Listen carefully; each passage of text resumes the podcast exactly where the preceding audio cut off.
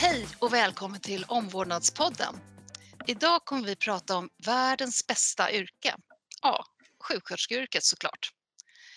Till min hjälp har jag Nadja Ståhl som blir färdig sjuksköterska om en månad och Göran Nilsson som varit sjuksköterska i tre år. Själv heter jag Johanna Ulvarsson. Jag har varit sjuksköterska i 30 år.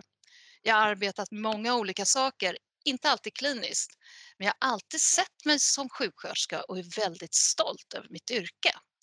Välkomna Nadja och Göran. Tack så mycket. Tack så mycket.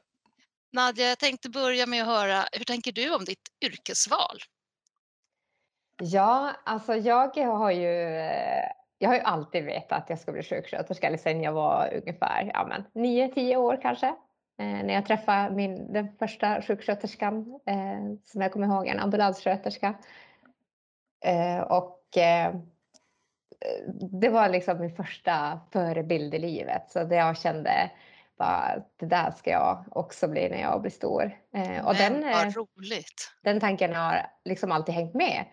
Så att, och nu är jag ju snart där, det är en månad kvar. Så att, jag är otroligt glad och stolt över det, alltså mitt, mitt val och jag känner att jag känner att jag har gjort helt rätt.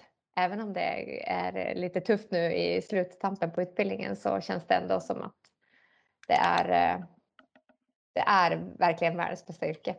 Det, det är vad du eh, drömde om redan som mm. nioåring. Hur ja. kom det sig att du träffade den här ambulanssjuksköterskan? Var det liksom, hade du gjort dig illa eller var det? Nej, det var, eh, det var faktiskt att eh, jag, ja men det var, ja men jag har vuxit upp som, med, med föräldrar som har varit missbrukare och, och det var jag som ringde 112 själv och, um, och på den vägen. Det var liksom, då kom de hem till oss och, mm. Eh, och så. Wow, det, det, det, är lite solskenshistoria över den. Mm. Eh, Göran, hur tänker du då? Har du alltid vetat att du ska bli sjuksköterska? Nej, det, var, det kom väl senare. Eh, jag började ju karriären inom vården då som undersköterska. Som jag läste för övrigt i Övertorneå också, läste jag till undersköterska eh, 2004.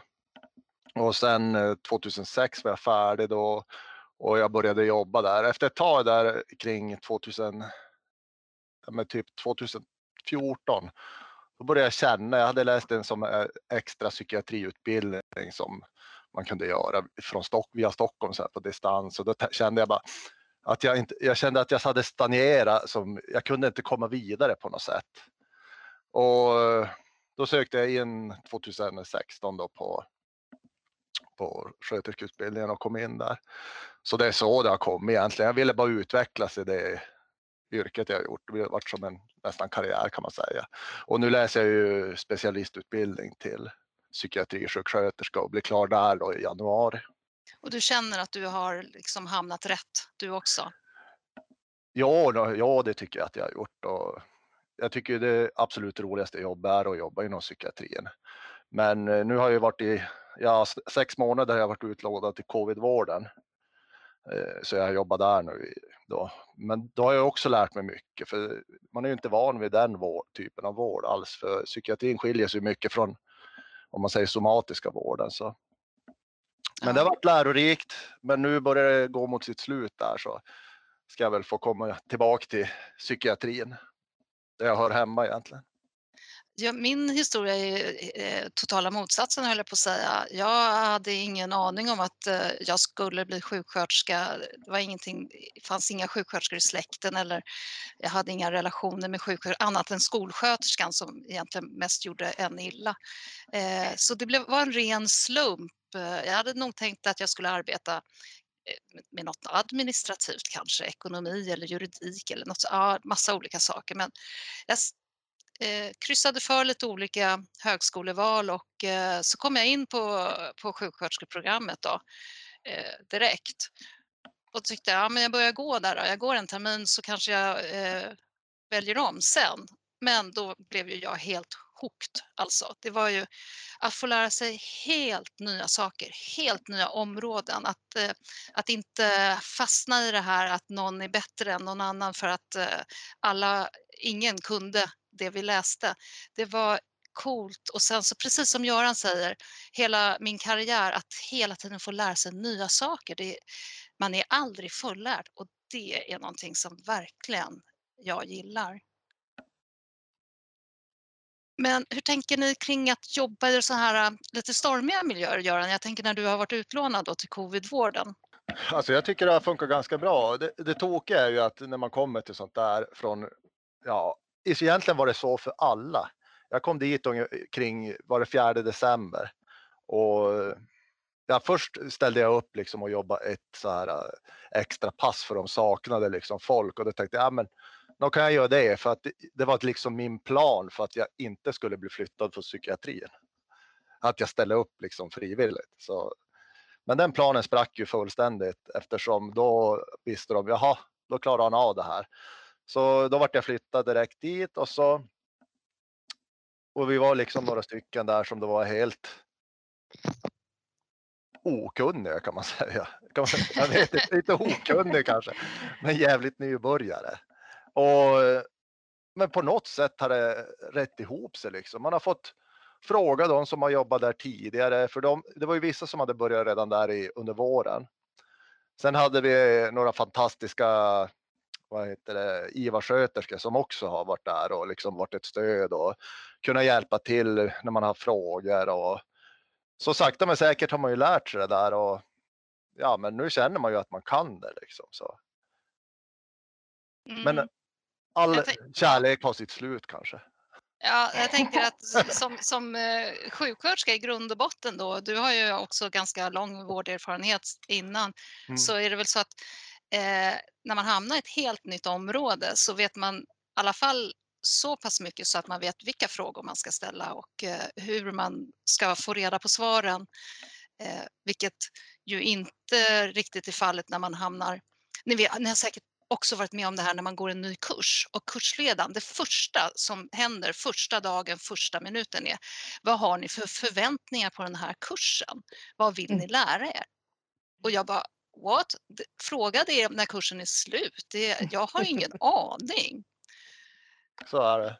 Ja. Vad tycker du då Nadja? Om, om liksom, eh, hur har du, blivit, har du blivit påverkad av den här covid-pandemin?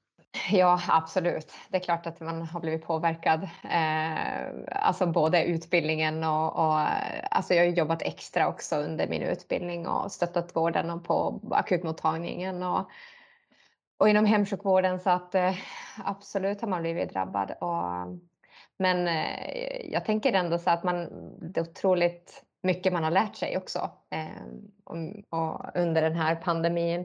Eh, och Ja, men. Eh, men sen just nu är jag på, gör jag min slutpraktik på eh, MAVA på en medicinsk akutvårdsavdelning och där är det ju tempo något djävulskt. alltså det är, eh, det är verkligen så här. Eh, ja, men jag ska ha hand om alla patienter på avdelningen och eh, just nu känns det bara så här kaos. Så jag tycker de, de som jobbar där gör ju det helt fantastiskt. Men snart är väl jag också där. Men det är, man inser ju också vilket, vilket jobb alltså alla sjuksköterskor gör. Herregud, jag blir så imponerad. Jag, jag har jobbat som undersköterska också väldigt länge innan jag började plugga till sjuksköterska och kände ju precis som Göran också det här med att man, man fastnar lite grann. Man utvecklas inte längre och man vill göra någonting annat. Då. Ehm, och, eh, och, och som sjuksköterska är det ju, där känner jag så här mer att mm, alltså, det är så oändligt mycket möjligheter jag kan ju alltså bli specialist i typ jättemånga olika områden och, och eh, ja, men bara byta avdelning och, och, få ett helt annat jobb i princip. Så att eh, det är, eh, det är ett otroligt varierande jobb. ja, det är insett. någonting som mm. tilltalar mig också, just det här eh, att hela världen öppnar upp sig. Dels kan du förstås jobba på sjukhus inom vilken specialitet som helst, mottagningar och allt möjligt, vidareutbildare. Du kan jobba i kommunen på olika positioner. Du kan arbeta då i olika andra organisationer. Läkemedelsindustrin har vi bara som ett ganska självklart exempel eller medicinsk teknik. Eh, och sen så vet jag att det är flera stycken av våra myndigheter, eh, finansiärer som Vetenskapsrådet, så har vi Socialstyrelsen som eh, också anställer sjuksköterskor. Så har vi hela internationella världen, att eh, sitta på lite högre positioner i WHO och eh, i EU också. Så att, alltså det finns ju inga som helst begränsningar. Det är ett väldigt heterogent yrke och det märks ju också på alla våra kollegor. Det är ju inte så att man är liksom alla sjuksköterskor är lika samma. Eller vad säger du Göran? Jag, jag tänker samtidigt som det är en stor fördel att man kan, du har jättestort urval, framförallt nu. Det kanske inte var så i mitt, mitten på 2000 där någon gång. Då var det lite svårare vet jag bland sköterskor att få jobb och så här, fast då var det mest vikariat. Och nu är det jätteenkelt, men samtidigt blir det på sätt någon nackdel eftersom jag ser ju att många går ju från vården på grund av belastningen som är och allting. Så, och välja andra former av yrken som man även kan ha som sjuksköterska. Samtidigt öppnar det möjlighet för oss som jobbar kvar inom sluten vård och allt sånt där, att, att vi har stor valmöjlighet att få byta yrken. Och det känner jag är en jättestor fördel, att man kan liksom välja om man ska vara kvar eller byta. Du, du kan i princip börja jobba på vilken avdelning som du vill. Och det tror jag inte något yrke kan erbjuda. Nej, jag känner, jag känner precis ja. samma sak där och det där diskuterar vi studenter väldigt mycket. Så här, ja, men vars vill man jobba när man blir klar? För att det är ju så, jag kan ju välja, alltså är jag, vad är jag intresserad av? Är jag intresserad av att jobba med barn eller med vuxna eller med äldre? Alltså det är bara att välja fritt. Alltså jag kommer ju att få jobb vars jag än eh, väljer att jobba. Så att det är ju, alltså det är ju en positiv grej verkligen. Fast å andra sidan så är det ju, alltså bristen på sjuksköterskor är ju också, den är ju skrämmande också hur, eh, hur, alltså jag menar hur svårt det är att bemanna till sommaren och sådär. ja, det... Mm. Det är, ju, det är definitivt en nackdel men, men eh, ja, eh, Fördelen är ju att man har ett val så att, och det passar inte alla kanske att jobba kliniskt på vårdavdelning. Eh, och då är det ju fantastiskt att utbildningen ändå inte är bortkastad. En annan sak som jag tänkte vi eh, fundera lite grann på här, det är ju våra relationer till kollegor. Och, alltså vi har ju ett sånt otroligt människointensivt yrke. Hur, hur eh, hur upplever du Nadja det här med liksom, eh, att komma in i den här miljön? Tänker du då alltså på typ kollegor eller? Ja. Eh, alltså, mm. Som student? Mm, eller, eller som människa. Ja. eh, ja, alltså, det, alltså kollegorna är ju, jag tycker det är nästan A och O hur man, vad man har för kollegor, hur man trivs på sitt jobb. Det är ju liksom Eh, egentligen så skulle jag kunna jobba på vilken avdelning som helst och vilka patienter som helst nästan. Eh, så länge liksom jag har ett eh, alltså, bra gäng runt om mig som jag jobbar ihop med. Ehm, så det är ju otroligt viktigt. Att man kan liksom, att man har högt tag, att man kan skratta och ha roligt. Och, så att det är ju också oftast det som Ehm, jag, jag, kan säga när man är ute på VFU och får testa olika verksamheter så är det ju oftast kanske det som gör att jag vill faktiskt jobba på det här stället också sen ehm, i framtiden eh, när jag tar examen.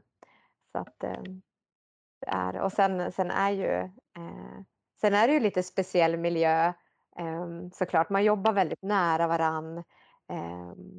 och så så att det, man blir som nästan, det känns som att man blir som nästan lite som en liten familj när man jobbar ihop. Ja men eller hur. Man, ja. man, man, men samtidigt är det en yrkesrelation så att eh, ja. eh, när man har bytt arbetsplats och det har gått några år så man, känner man plötsligt att man inte alls har så mycket gemensamt med de här personerna som man verkligen älskade och ville hänga med dygnet runt. Mm.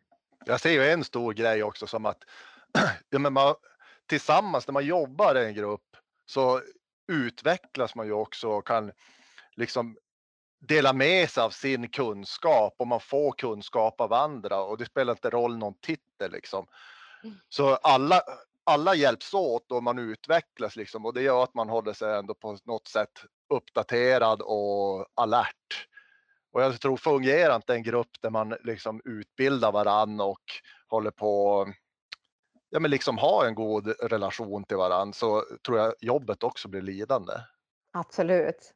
Och Mm. det tänker jag, det det märks ju också. Jag menar, är man på ett ställe där det är där man kanske inte har en personalgrupp som inte riktigt fungerar, alltså det det blir det blir ju inget bra bemötande mot mot patienterna heller. Det är klart, vem vill jobba alltså man är väl inte glad heller när man kommer hem. Alltså det det det är ju otroligt viktigt. Så Det finns det. ett till perspektiv eh, som jag kan vittna om då, för att jag har varit eh, inlagd på sjukhus. Jag, var, jag blev skitdålig för några år sedan och var inlagd rätt länge och studsade runt på tre olika sjukhus då.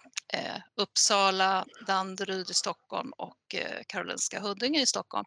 Och just det här att vara patient och eh, ligga i sin säng inne på rummet eh, man hör och ser och förstår så otroligt mycket mer än vad personalen kanske anar och känner exakt liksom, vad är det för stämning i den här personalgruppen och eh, hur, hur, eh, hur eh, st- starka känner sig de olika professionerna i sin roll när de ska utföra sitt arbete. Så att Precis, det handlar inte bara om hur vi som sjuksköterskor mår, trivs och eh, har det på jobbet, utan det handlar ju i hög grad också om, om patienterna som är tvungna att vistas där ett, liksom dygnet runt, då, eh, ett dygn eller många dygn som i mitt fall.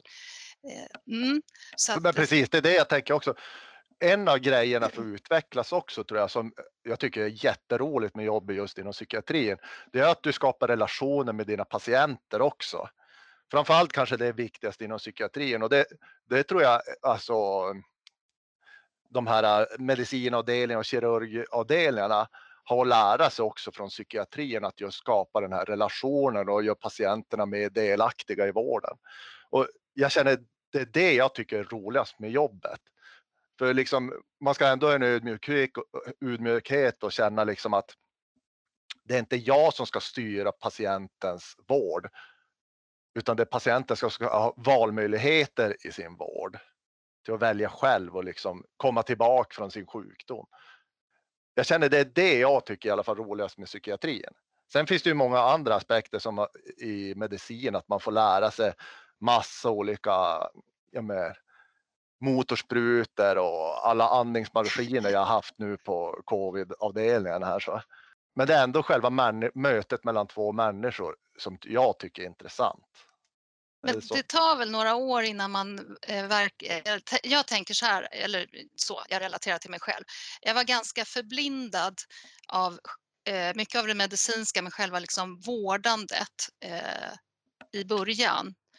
Eh, och sen så kanske det tog två, tre år innan jag slappnade av i min roll som sjuksköterska och kunde börja verkligen se eh, patienten och se deras anhöriga och eh, förstå att de faktiskt har, det här låter absurt, att de har ett sammanhang utanför eh, vårdavdelningen. Jag vet inte om jag avslöjade för mycket om mig själv nu eller om ni kan hålla med. Nej men så är det, så är det ju. Man, man är ju inte fulländ, man lär sig eftersom och skapar trygghet i, i sitt arbetssätt liksom och hur man vill jobba. Men när- när jag till exempel har studenter så försöker jag liksom att de ska jobba jättemycket med relationer, relationsskapande. Och då tänker jag om man har lärt dem studenterna en gång i tiden så tar de med sig det. Så oavsett om du inte är intresserad av psykiatri eller medicin eller någonting så lär du det på varenda arbetsplats du är. Så jag tror du utvecklas oavsett. Mm. Och sen får man ju så, ja precis. Och jag tänker också, det är ju, jag känner ju så här, nu när jag är på MAVA, så är det ju just den biten som kanske man inte alltid hinner med. För att det är så otroligt mycket annat. Det är, det är läkemedel, det är ronder, det är eh, massa planeringar och det, det, är liksom, det är så himla mycket. Så ibland känner jag att jag inte hinner komma in till patienten och prata med dem. Och, och det blir ju inte heller, då kan ju inte jag göra heller ett bra jobb när jag rondar till exempel. Eller när jag ska.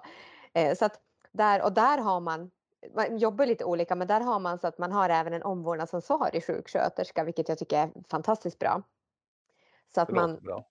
Ja, man har en omvårdnadsansvarig sjuksköterska och en, en sjuksköterska som är ansvarig för patienterna. Så att, och då brukar man göra så att man, man kanske kväll, ja, jobbar man kväll och dag så kanske på kvällen kör man omvårdnadsansvaret och sen dagen efter rondar man patienter och är ansvarig. Och det tycker jag, det känner jag så här, och det lockade också mig till, till eh, den arbetsplatsen att fortsätta jobba där sen e-, efter examen. Att, att det är så att jag, där hinner jag skapa den här relationen med patienten för den är ju så viktig. Den är ju kanske A och O eh, att skapa relationen. Eh, och, men jag tror att det är tyvärr så på många platser att man inte alltid hinner med det. Men då är det ju ännu viktigare med att vi har den här team, eh, teamsamverkan också så att man liksom får höra med sina kollegor och att man litar på dem och att de gör liksom sitt jobb och, och rapporterar till en. Men ehm, Ja, jag tror att det skulle behövas fler sjuksköterskor överallt. Ja, det, är klart, det är klart att man, man får fler. hoppas att, inte, att man inte gör samma misstag nu Nadja när du blir färdig här som jag gjorde en gång på när jag var student på ett äldreboende. Jaha. Eh, ja, jag skulle vad heter, gå in till, jag hade, man hade ju som hand om en varsin patient. Mm. Och så skulle jag gå in till min patient och jag gick in. och så, när jag kommer in till patienten så ser jag att det är fel patient. Oops. Så, nej, men jag, jag försökte göra det professionellt och sitta och prata med det där. Men sen när jag kom ut så gjorde jag ju så här äh, teamgrej typ med, vad heter det när man har samarbete med en annan patient? Pre-learning, peer-learning. Ja, Ja, precis. Med en Så hon satt ju och gapskrattade där ute för hon såg vad jag hade gjort för fel. Och, men samtidigt, det är ju helt oförargligt. Samtidigt fick jag ju träffa en annan person och prata Ja. med henne. Så. Men det är ändå en tokig grej som kan hända. Ändå. Men det var jättefint för jag menar för, för den här patienten kanske det var wow. Ja men precis, det var det jag tänkte. någon- Men det var ju, Ja, det var ju en ganska tokig grej. Och, Mm. ja, vi höll ju på att gapskratta åt det där i flera timmar. ja, det förstår jag verkligen. Hon brukar nämna det än idag vet du, när jag får hälsa på henne och dricka kaffe. Ja, nej, men jag tror att det är väldigt, väldigt viktigt, eh, om jag är inne på Nadja, eh, att man, när man känner att man inte riktigt hinner med eh, sina patienter som man ville, så tror jag faktiskt att för patienten så räcker det med att du bara tittar den patienten i ögonen och säger hej, jag ser dig. Mm. och, och sen så, för att det är de här små ögonblicken eller att känna att man är helt bortglömd och nonchalerad, det är, eh, mm, jag tror att det kan vara eh, skillnaden. Det är, det är viktigt med den där relationen till patienten tycker jag.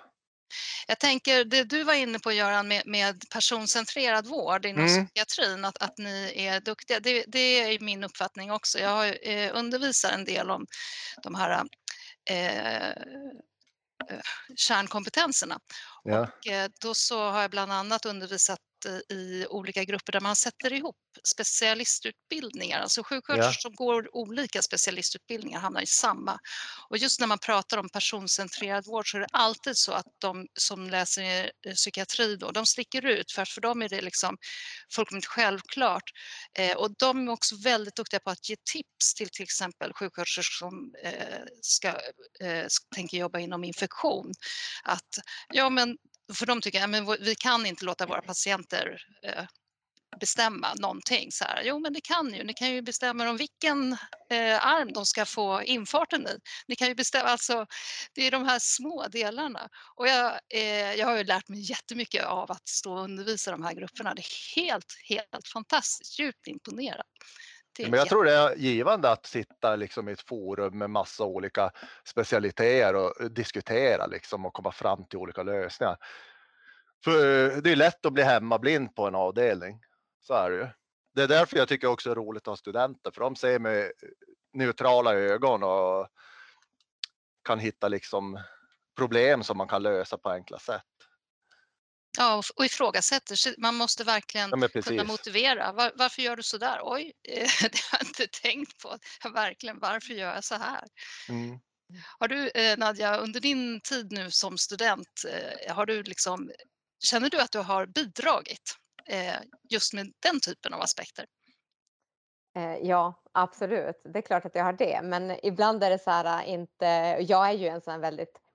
Eh, jag, jag tar ju plats och jag är framåt och jag säger ju vad jag tycker och tänker. Jag är inte rädd för att ifrågasätta heller och det är ju många tycker ju att det är väldigt bra att man har en sån student. Men sen kan det också vara lite så här jobbigt också för att man kanske har gjort det på ett och samma sätt i många, många år och så eh, blir det så här, ja, men kom inte här och tro att liksom, du är någonting bara för att du pluggar just det. Alltså det blir också, eh, men, men oftast så, så är det, ja, alltså man får positiv feedback på att man, man kom, när man kommer själv med förslag eller man ifrågasätter och, och jag tror att det är väldigt utvecklande. Jag, jag tänker själv så här när jag är färdig sjuksköterska och har jobbat ett tag, jag ser fram emot att bli handledare för studenter för att själv utvecklas i min yrkesroll.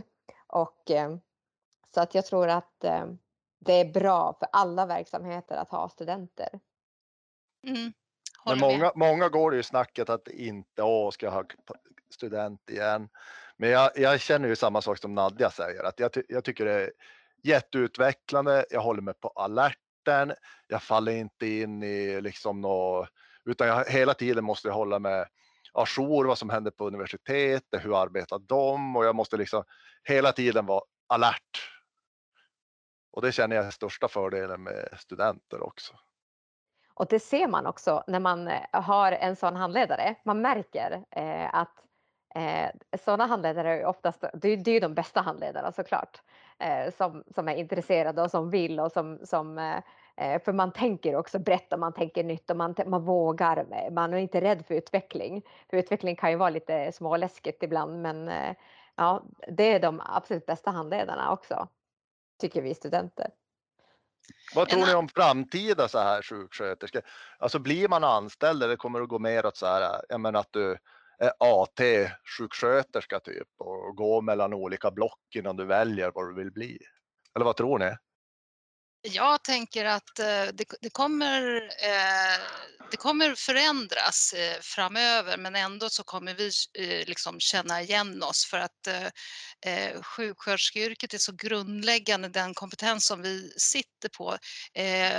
Nu kan det vara så att omvärlden inte riktigt förstår vad sjuksköterskor faktiskt gör utan eh, blandar ihop med olika roller.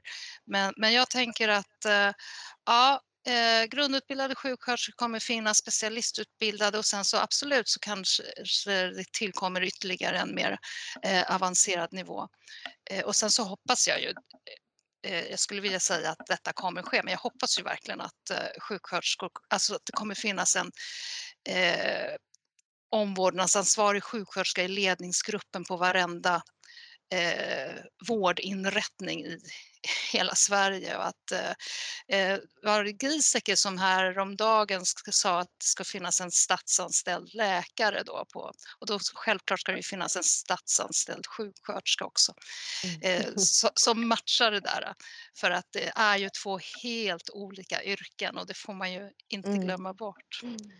Vad säger du Nadja om framtiden? Ja, alltså jag, jag tänker att eh, man pratar ju mer om det här med att ha så här eh, typ trainee eller eller vad kallas eh, det här? Jag vet att typ Region Norrbotten har ju i alla fall haft det här under ett år, eh, typ utbildning, alltså efter att man tar examen. Ja, men det är väl trainee det heter? Ja, det, det kanske är trainee det heter. Eh, där man typ under ett års tid, men då jobbar man på, då är man anställd på ett ställe och så får man gå utbildningar under tiden och sådär och det, det tycker jag är bra. Men jag tror också på det här med att man jag vet inte, att testa på olika ställen och man får göra det under sin utbildning. Men jag tänker så här att, att Eh, vi behöver få fler specialistutbildade sjuksköterskor. För jag ser lite, lite faran kan jag se också med det här med att man bara testar på och jobbar och så anställer man bara sjuksköterskor för att det finns inga specialistutbildade och så nöjer man sig med det. Ehm, så att jag, jag skulle gärna i framtiden, alltså jag vill gärna se att fler specialistutbildar sig. Jag tänker själv också framtiden att specialistutbildning är ju självklart. Mm. Nej, Då ser jag det som regionens, regionen har ju som ett ansvar där. Mm. Och liksom du ska ha möjlighet att, att studera. Du ska ha liksom din lön vad du har och få den lönen. För det, det ska inte vara så att du ska behöva ha en sambo för att klara ekonomin under studierna. Utan läser du en specialist då ska du ha full lön och inte ett bidrag som du får. För att vissa kanske klarar sig med en sån ekonomi, men alla gör inte det och då har de ingen valmöjlighet att läsa till specialist. Jag tänker kasta om eh, ämnet nu totalt för att eh, det slog mig precis när jag sitter här eh, och tittar på mina egna kläder som jag har här i pandemitider som är lite så här mysfaktor. När jag jobbade som mest kliniskt, alltså bara kliniskt, då min garderob den bestod av antingen typ träningskläder, mysbyxor eller väldigt snygga kläder, gå ut partykläder. Det här, ni vet vardagsmellantinget fanns Ja. inte eftersom jag aldrig hade någon vardag. Mm. Så, vad säger Nadja? Du ser ut som du håller med. Ja, men så är det ju. Alltså, och, och när man väl klär upp sig eh, så känner man ju sig typ som att man ska typ gå på bal. Alltså Ja. det är ju så roligt. Men, men, eh, men det är ju så. Alltså man, man åker till jobbet i typ mysbyxor nästan och ehm, Ja, men det är nästan så att man inte går in på eh, ICA och handlar efter jobbet för att man ser för jävlig ut. Typ har på sig sin, liksom, eh, sin eh, pyjamas när man drar till jobbet och, och man är rufsig och sliten och helt så här, ja, nej, så att jag känner absolut igen det där. Tryggast blir du på halloween Nadja när du kan klä ut dig till sjuksköterska. Hon känner sig riktigt hemma. Ja. Ja. Det är för väl när du beskriver den här trötta, rufsiga eh, personen som kommer från sitt arbetspass. Det är ju för väl att våra kollegor tycker väldigt mycket om oss eh, ändå och att faktiskt de ser väl likadana ut om vi ska Ja. vara helt ärliga. Jag har faktiskt tänkt på det där. Jag tänkte på det senast igår för att nu när jag är på VFU så är det så jättehektiska dagar. Det är bara så här, jag knappt hinner, hinner ta lunch och så var jag igår faktiskt och handlade efter, eh, efter passet och, eh, och jag tänkte på det när jag kom in. Jag, bara, jag speglade mig och tänkte bara, men gud, folk måste ju som fatta att jag jobbar inom vården, tänkte jag. Fast det är klart att ingen kommer se det. Men det var som en tanke som jag fick så här, ja men de ser ju, de fattar ju typ att jag har varit och jobbat i vården för man ser ju typ nästan mina märken i ansiktet från skydden och Ja. ja, så det, det var en sån tanke som slog mig eh, faktiskt. Ja, men det, det är lite speciellt att eh, eh, ha ett yrke där man hela tiden byter om då till arbetskläder så att man faktiskt inte behöver, alltså det är det som är vardagen. Sen så när jag började arbeta eh, på högskola och universitet eller på andra ställen, då, då var jag ju tvungen att börja shoppa upp vardagskläder, normala snygga vardagskläder. Nej, det var en aha-upplevelse. Du Göran, har du samma erfarenhet om eh, mysbyxor kontra ja, kostym då? Eller jag vet inte vad du har när du är Ja, fin. men, nej, men inte. Det är ju som man. Jag vet inte, man klär ju aldrig upp sig. Det är ju så. Du jobbar ju inte på liksom ett kontor där du sitter. Du har ju dina kläder och så här. Så inte, inte vet jag inte. Jag tänker inte på. Jag bara tar på mig kläderna och far. Jag tänker inte på vad jag tar på mig. ens. Nej. Men alltså, jag, jag kommer att tänka på, alltså för att jag, jag har jobbat länge då inom vården och eh, alltså innan jag började studera också så hade man, man har ju varit med på en och annan eh, personalfest också. Och, och alltid på personalfesterna när man såg sina kollegor i festkläder, uppiffade, så tyckte man, man blev som så här förvånad över hur snygga alla var. Ja, men Jag eller bara, hur? shit, är det så här ni ser ut på Ja. riktigt? Så att det, det är så här, det, det kommer jag ihåg faktiskt. Det kan man tänka på nu att alla var så jäkla snygga när vi hade fest. Ja, jag håller helt och hållet med om Mm. man undrar, men varför ser du inte alltid ut så där? Så kommer man på det. nej, just det, så var det ja. Klockan, när man börjar sitt arbetspass klockan sju på morgonen så känns det sådär att sminka upp sig dessutom. Ja, jag, jag tänkte på en annan sak faktiskt också som, som eh, när jag eh, började arbeta som sjuksköterska så var jag ganska ung så att jag, jag bodde fortfarande hemma eh, och eh, med mina föräldrar och sen så hade vi alltid söndagsmiddagar då mina syskon kom över också. Och eh, de, framförallt de här söndagsmiddagarna så var det ju eh, typ laget runt. Var och en fick berätta om sin vecka eller om det hade hänt någonting, utom jag. Mina föräldrar bestämde att nej, vi vill inte höra. De, hade liksom gjort det misstaget en gång och eh, sen hade de fått höra alldeles för mycket om blodiga drän och kroppsvätskor som de hoppades att de aldrig skulle behöva uppleva. Så att, har, ni, har ni liksom den här eh, partydödar-erfarenheten? Ja, Vad, vad säger du, eh, Nadja? Ja, nej men jag eh, är ju sambo med en specialistsjuksköterska. Så att det kan ju hända en och annan gång att vi diskuterar sånt vid matbordet och våra barn Alltså de, de skriker bara nej sluta, ni kan inte prata sånt här vid matbordet. Och min dotter särskilt, hon är ju hon, hon, hon är jättekänslig och håller på att kräkas varje gång. Så att eh, ja, vi har lärt oss att inte prata vid matbordet hemma i alla fall. Men det är ju, man blir ju som lite yrkesskadad. Jag tänker så här, många, hur så många gånger man har, man har jobbat, man käkar lunch, blir avbruten på lunchen, sticker iväg till någon patient och gör någonting, ja, men torkar en, en spya eller suger lite slem och så går man tillbaka och fortsätter äta på sin mat. Mm. Så här, man är ju helt okänslig, alltså man, är, eh, alltså man har ju som inte något eh, man tänker inte alls på det. Det är inte äckligt längre, ingenting. Så att man Nej, kan prata man, precis vad som helst. Man ser ju patientens bästa så att jag ja. håller verkligen med. Ja. Eh, du då Göran, får du, har du situationer där folk har bett dig vara tyst? Alltså när händer det, det är väl mest flickorna, vet du. De, ja, de är ju 14 och 12 år så det är ju lite känsligt där. Men annars är de ganska härdade, för de har ju växt upp med det där. Så. Jag jobbat ända sedan alla ungarna var små, har jag jobbat inom vården så det har varit mycket bajs och allt vad det kan vara. Ja, Ja, gud, här går, här, de, mina barn de blir inte härdade. De, eh, jag, jag, kan inte säga sjukhus så blir de bara mm, nej, nej, mamma, nej. De kanske kommer över eh, det. Mina barn och de eh, är ju uppe i 20-årsåldern alla tre och vad de har sagt från typ de var sådär, ni vet 14-15 och uppåt så var de så förvånade att deras kompisar inte kände till sådana här fullkomligt självklarheter som eh, hur ett sjukhus fungerar när man får eh, syrgas och dropp och vener och artärer och urinkateter och ni vet. Eh, ja, kanske, kanske är det så att eh, ni vet lite mera än, än normal person. Men alltså, man har ju den miljö man har och, och eh, det är svårt ibland att sätta sig, även för oss som sjuksköterskor, det är svårt ibland att sätta sig in i hur lite allmänheten ändå eh, vet om våran verklighet. Men, men för att fråga Johanna då, du hade vuxna barn, har de då, vad har de valt för yrke? har de valt sjuksköterskeyrket? Nej, jag är fortfarande ja, den enda i släkten. Det ja, inte mina syskonbarn heller, men ja, vad ensam jag är. Hmm. Jag, eh, min dotter hon pratar ju om att eh, kanske bli sjuksköterska i alla fall, har hon sagt nu faktiskt. Så det, det låter ju roligt. Hur gammal är hon? Hon är tio. Ja, men, mm. Det var ju då du också började ja, tänka i de banorna. Wow! Jätte, jätteroligt.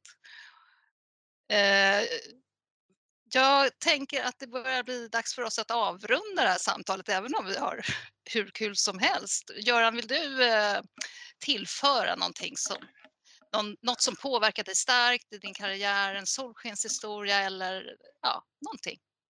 Nej, egentligen inte. Jag tycker alla, alla patienter är en solskenshistoria i sig och jag känner mig stolt över mitt yrke och kommer fortsätta jobba med det. Så. Och göra det bästa för patienterna. Så känner jag. Ja, vad fint sagt. Jag skriver totalt under på det där. Nadja, har du någon slutkommentar?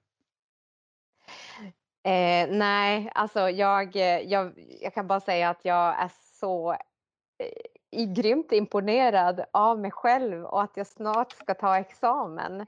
Eh, och att jag har tagit mig så långt och det känns...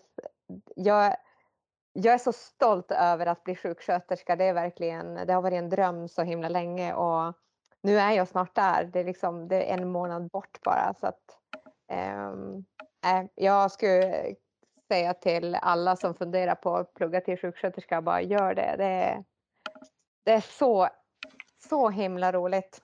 Jag är så glad. Kul.